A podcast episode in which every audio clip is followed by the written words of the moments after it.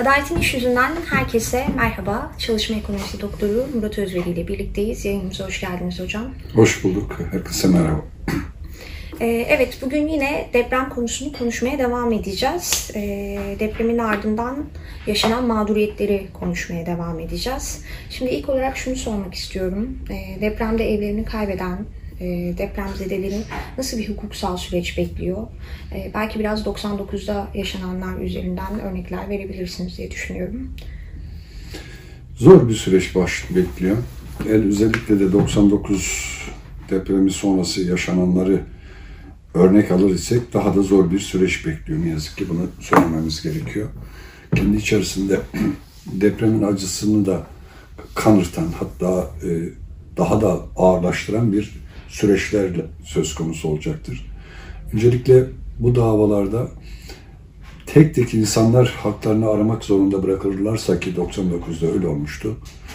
Tek tek insanların haklarını aramaya çalıştığı yerlerde olan yargı sürecinin handikapları daha da bir engel haline dönüşüyor, dönüşecektir.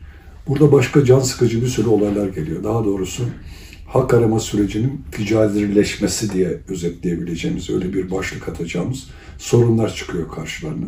Şimdi bir bakalım hukuki süreçlerde neler olacak? Evleri yıkılan insanların bu yıkım karşısındaki zararları neler? İşte evlerini kaybettiler. Dolayısıyla e, evlerini kaybetmenin ötesinde canlarını kaybettiler. Sakat kaldılar. Bunun birden fazla sorumlusu var. İşte müteahhit sorumlu, e, oradaki ruhsatı veren belediyeler sorumlu, yapı denetim firmaları sorumlu. Gerekli denetimi göstermeyen, hatta enkazdan çıkartılma konusunda gerekli refleksi veremeyen varsa idarenin sorumluluğu söz konusu. Tüm bunlara göre yargılama süreci de birden fazla yargı alanına göre gidecek. Ölüm ya da yaralanmalar olduğu anda ceza yargılaması başlayacak. Ceza yargılamasında zaten savcılıkların bu soruşturma yürütmeleri gerekiyor. Şikayete bağlı suçlar değil bunlar. Ancak davaya müdahil olmak da söz konusu. Çünkü bir takım takipsizlik kararları verilebilir. Yargılamada bir takım delillere ulaşılması konusunda müdahil olanların, yani suçtan zarar görenlerin katkı sunmaları gerekir. Birincisi cezai, ceza hukukuna ilişkin bir boyut işleyecek. İdare hukukuna ilişkin boyutta hizmet kusuru olup olmadığı hizmet kusuruna karşı e, idarede görev alanların sorumluluklarına ilişkin bir başka sor, süreç işleyecek. Bu süreçte sorumlu olanların yargılanabilmesi için yargılama izninin verilmesi gerekiyor. Yargılama izni verilmemesi halinde buna yargılama izni vermeyen ülke amirliklerin kararlarına karşı bir başka idari yargı süreci onları bekliyor. E, tazminat hukuku boyutu var. Uğradıkları zararların giderilmesi için davalar açılacak, tazminat isteyecekler. İtirilen kayıplar için manevi tazminat istemeleri söz konusu. E, zorunlu deprem sigortası kapsamında bir üst limitlere kadar sanıyorum bugün baktım 640 bin lira civarında bir üst limite kadar zararların deprem sigortasından karşılanması söz konusu. Hı hı. Bu karşılanabilen tutarlarla gerçek maddi zarar, bu maddi zarar arasındaki farklar söz konusu olacak. Sonra bunların tahsili sorunu karşımıza çıkacak.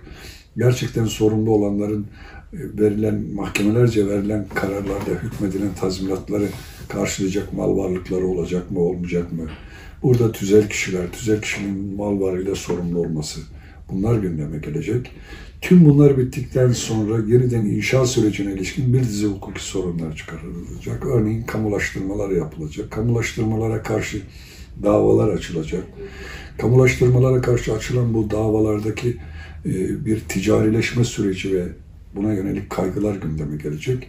İşte gördük Malatya Baro Başkanı e, sosyal medyada vardı, isyan halindeydi. Bir takım meslektaşların İstanbul'dan gelerek şimdiden vekaletten ve toplamaya başladıklarını, meslek deontolojisine aykırı olduğunu, bu deontoloji çerçevesinde davranılması gerektiğini büyük bir haklı kızgınlıkla altını çizdiği e, tepkilere gördük. Dolayısıyla tek tek bireylere bıraktığımız zaman bu süreci birden fazla alanda tam da piyasa mantığına, işte ticarileşmeye bağlı olarak bir dizi handikaplar çıkacak. Diğer yandan tek tek bireylerin tamamının açmış oldukları davalarda eğer deprem bölgesinde yaşayanların açmış oldukları davalardan yargılama giderleri alınmayacaktır diye bir düzenleme yapılmaması halinde çok ciddi yargılama giderlerini karşılamak durumunda da kalacaklar. Davaların kaybedilmesi halinde ödenmesi gereken karşı taraf vekalet ücretleri, yargılama giderleri bir başka handikap oluşturacak. Dolayısıyla tek tek bireylere bırakıldığı andan itibaren içinden çıkılması çok zor, bıktırıcı, bezdirici, yaraları kanatan ve çok uzayan hukuki süreçler yaşanır. Bu süreçlerin sonucunda da 99 depreminde anlamlı bir şekilde tazminat hakkı kazanan, benim bile bize takip etmiş olmama rağmen çok da fazla bir e, gelirde elde edildiğini, amaca ulaşıldığını söylemek de çok mümkün değil. Depremin öngörülemez bir işte asrın felaketi diye tarif ediliyor. Aynı olayları 1999 depreminde de gündeme gelmişti. Gölcük Kavaklı'nın imara açılmasına ilişkin bir davada İmar Bakanlığı'nın 70'li yıllarda buraların yerleşime açılmaması gerektiğini, olası bir depremde zemin nedeniyle denizin buraları yeniden işgal edeceğine yönelik resmi raporlar karşımıza çıkmıştı ve depremin kaçınılmaz olmadığı, bilinmez olmadığı, beklenilen bir durum oldu. Tüm bu bilimsel verilere karşın kişisel ihmaller, rant kaygısıyla buraların e, yerleşime açıldığına yönelik tüm bu tespitlere karşın ne yazık ki çok anlamlı bir ilerleme sağlanamadı. Yıllar yıllar süren davaların sonucunda e, yapılan hayır, ürkütülen kurbaya değmeyen bir sürecin haline geldi. Bir süre sonra insanlar haklı olarak kendilerini rehavet edebilmek için o deprem ve depremin yarattığı acılardan kurtulabilmek için dava sürecinde de bir tavsama sürecine girdi. E, Türkiye'de yıllardır bu böyle yapılıyor.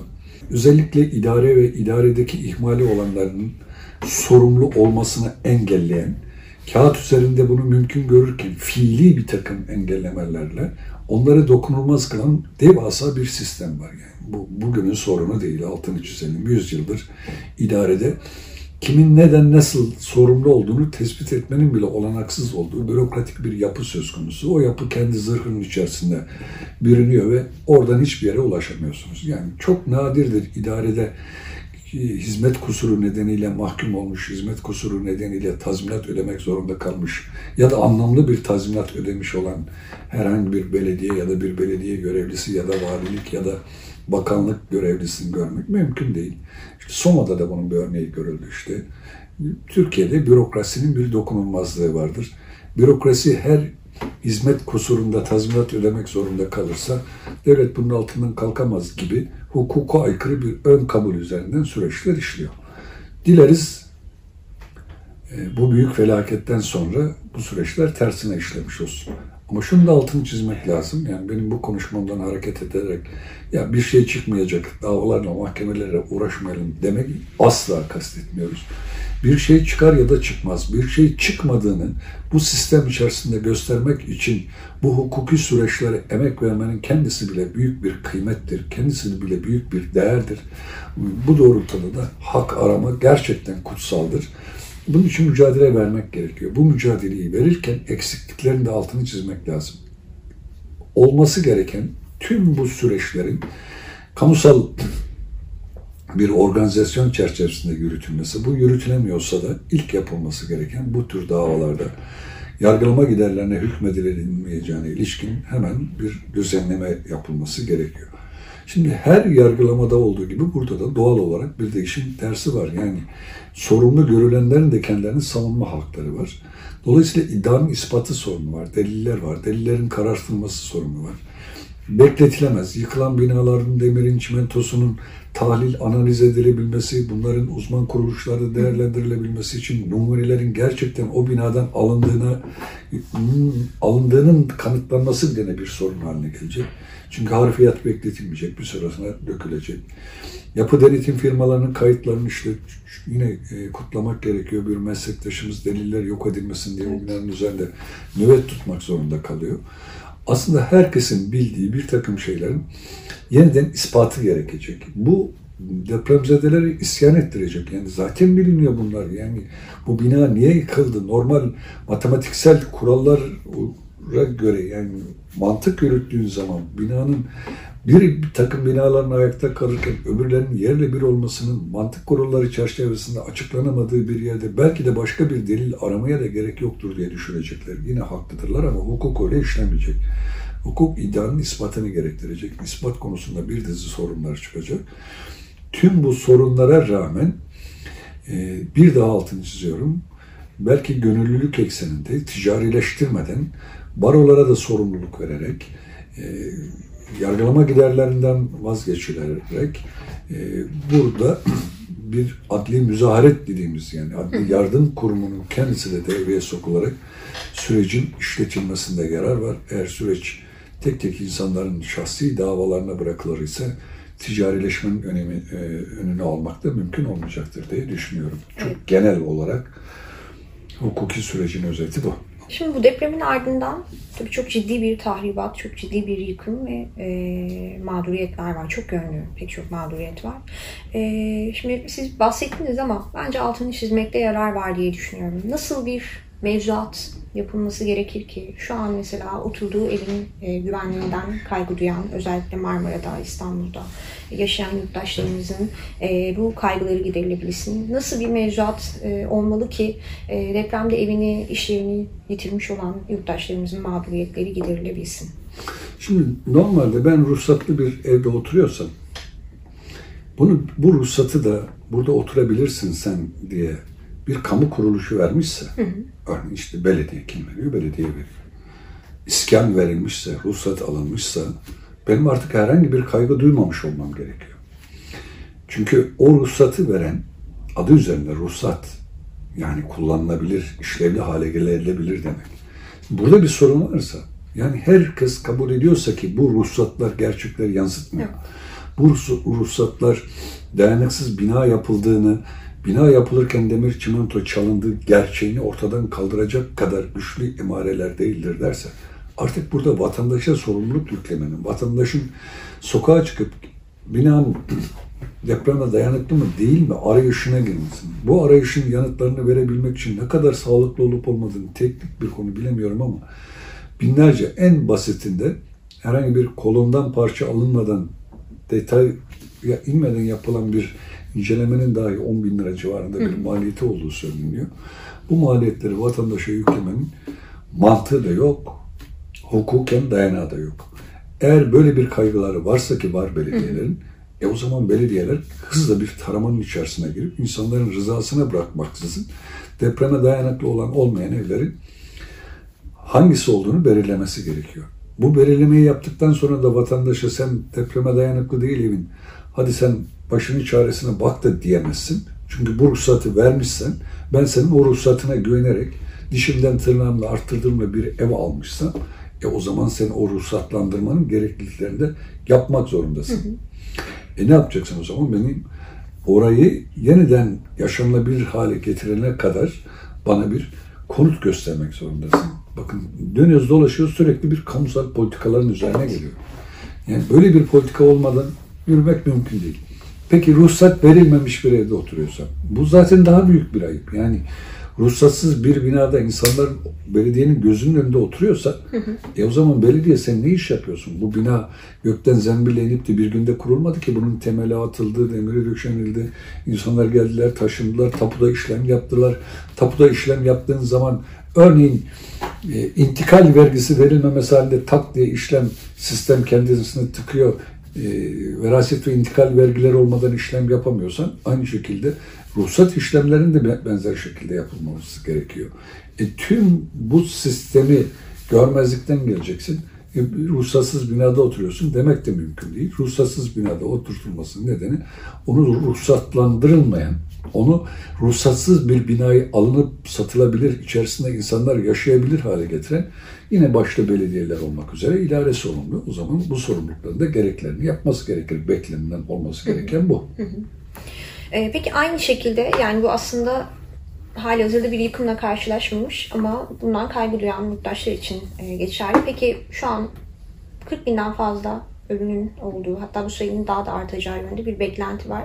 Ee, evlerini terk etmek zorunda kalan, yaşadıkları şehri terk etmek zorunda kalan depremzedeler açısından yani en acil yapılması gereken e, düzenleme ne olmalı sizce? Valla düzenlemede daha çok yani yasal düzenlemelerden daha çok öncelikle bir irade ortaya konulmalı. Yani bu depremzedelere denilmeli ki arkadaş biz kurumsal olarak sizi muhannete muhtaç etmeyecek şekilde hak eksenli bir şekilde biz sizi depremi bir sosyal risk olarak kabul ettik. Bu riskin yarattığı tüm sorunları sosyal güvenlik sistemimiz içerisinde hızla çözeceğiz denilebilir. Bu çözülmede de acil olarak yapılması gerekenleri bir sosyal güvenlik hukuku açısından sıralamak gerekirse e, ölüm sigortasında Gölcük depreminden sonra yapılmıştı. Orada 300 gününe düşürmüşlerdi prim gün sayısını. E, ölüm sigortasından aylık bağlanmasına ilişkin düzenlemeye istisna getirilmeli. Depreme bağlıysa prim gün sayısı ve sigortalılık süresi aranmaz diye bir hüküm getirerek ölüm sigortası devreye sokulmalı. Sakatlıklar konusunda e, eğer yüzde on ve üzeri ise sürekli iş göremezlik geliri bağlanmalı. Burada da yine prim ya da sigortalılık süresi koşulu aranmamalı. Yüzde 49-60 e, pardon yüzde 59'un üzerindeyse onda 59'un 10 ile 59 arasında sürekli iş görmezlik geliri, onun üzerindeyse maliyet sigortası devreye girmeli. Maliyet sigortasına da yine bir istisna getirilerek 10 yıl sigortalılık süresi 1800 gün prim ödeme gün sayısı aranmaksızın e, aylık bağlanır hükmü getirilmeli.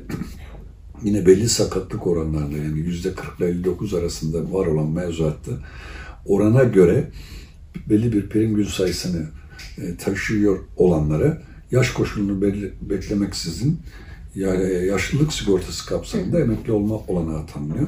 Burada da yine prim gün sayısı aranmaksızın onlara e, emekli olma, emekli aile bağlanmasına yönelik seçeneklerde var olan mevzuatta ufak tefek değişikliklerle işin önünün açılması gerekir bu sosyal güvenlik hukuku boyutunda. Bu en azından geleceğe dönük olarak minimal düzeyde de olsa, asgari düzeyde de olsa gelir kaygınlığının sosyal güvenlik sistemi üzerinden karşılanması anlamına gelir. Hı hı. Kimseye muhtaç olmama anlamına gelir. Aynı zamanda pasif sigortalı konumunda olacaklar için sağlık sigortasının kapsamı içerisinde otomatikman girmiş olmuş olurlar. İyi kötü bir e, tencere kaynatacak bir gelire sahip olmuş olurlar. Öbür taraftan da e, sosyal konutlar yapılmalı her depremden sonra olduğu gibi.